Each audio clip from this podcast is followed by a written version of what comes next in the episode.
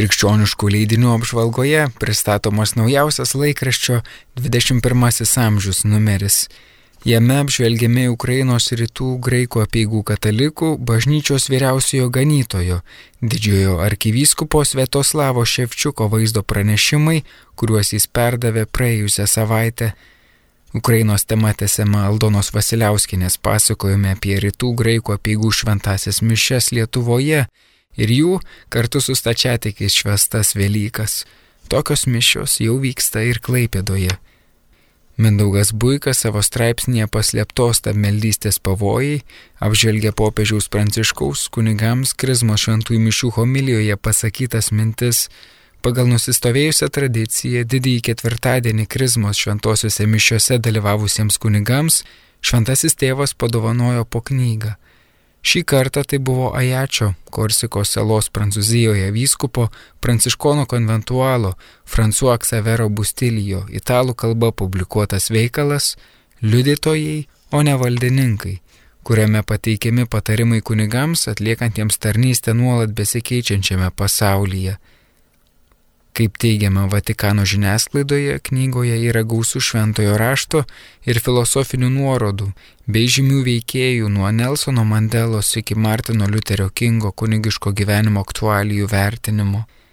Remiamasi ir bažnyčios magisteriumų, nagrinėjančio laikinės Jelovados realybės epizodus pateiktus šio laikinė kalba. Knygos autorius siūlydamas naujas dvasinės tarnystės idėjas, kviečia kunigus atkreipti dėmesį į dabarties iššūkius nuo galimo pasiklydimo socialiniuose tinkluose iki rizikos paversti parapiją tiesiog administracinę įstaigą. Jis nagrinėja tokias kunigystės svarbės temas kaip nuosaikumas, dvasinė tėvystė, galimas nusivylimas dėl kasdienio monotoniškumo ir įsitraukimo į nuolatinės batalijas, pavojai.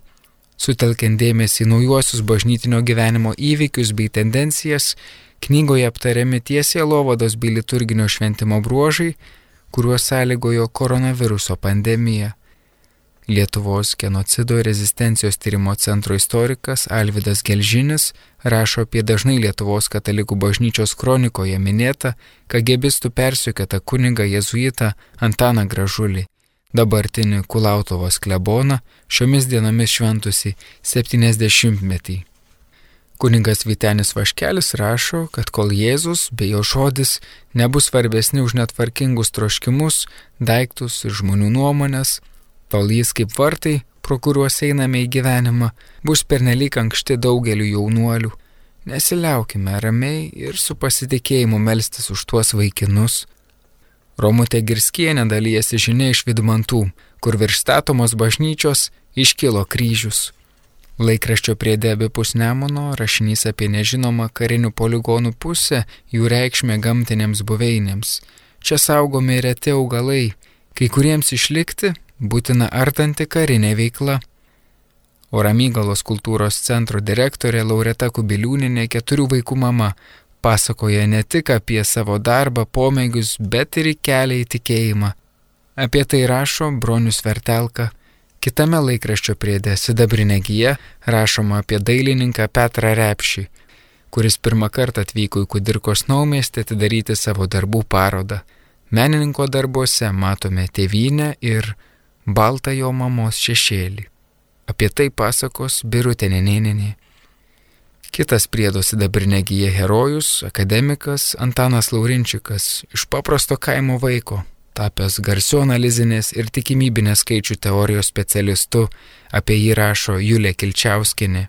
Lietuvos gyventojų genocido rezistencijos tyrimo centro istorikas Alvidas Gelžinis primena partizaną, pogrindžio spaudos leidėją ir politinį kalinį Joną Pratusevičių, minint jo 90-metį. O Veronika Kindurienė pasakoja apie uteniškę Valeriją Raslaninę, kuri per savo 90 metų gyvenimą vyko į daugiau kaip šimtą piligriminių kelionių. Išėjo ir laikraštis katalikas, jame tęsiami pamokslėliai apie išpažinti, kuriuos parašė kunigas Marijonų vienuolis Jonas Paliukas. Jis patarė, ką daryti seniai nebuvus išpažinties. Kunigams nekarta tenka matyti, kaip labai bijo išpažinties tie, kurie jo seniai yra buvę. Atpratimas ir užmiršimas, kaip reikia jį atlikti, bei baime, ką pasakys kuningas, kad taip labai apsileido, daugelį tikinčiųjų sulaiko nuo išpažinties, rašo kuningas Jonas Paliukas. Daugelis iš tokių visai neapleidžia ar retai apleidžia sekmadienio šventasias mišes, šeimoje gyvena tvarkingai, nėra padarę didesnių skriaudų, bet iš pažinties nebeina ir bijo pradėti ją atlikti. Nieko nepadeda nei namiškių prikalbinėjimai, nei raginimai bažnyčioje. Jie nepaėgė nugalėti kvailos baimės. Ką pasakys kuningas? Apie monsinjorą Kazimierą Vasiliauską, katalikę, rašo istorikas, Alvidas Gelžinis. Laikraščio 21 amžius apžvalga parengė laikraščio redakcija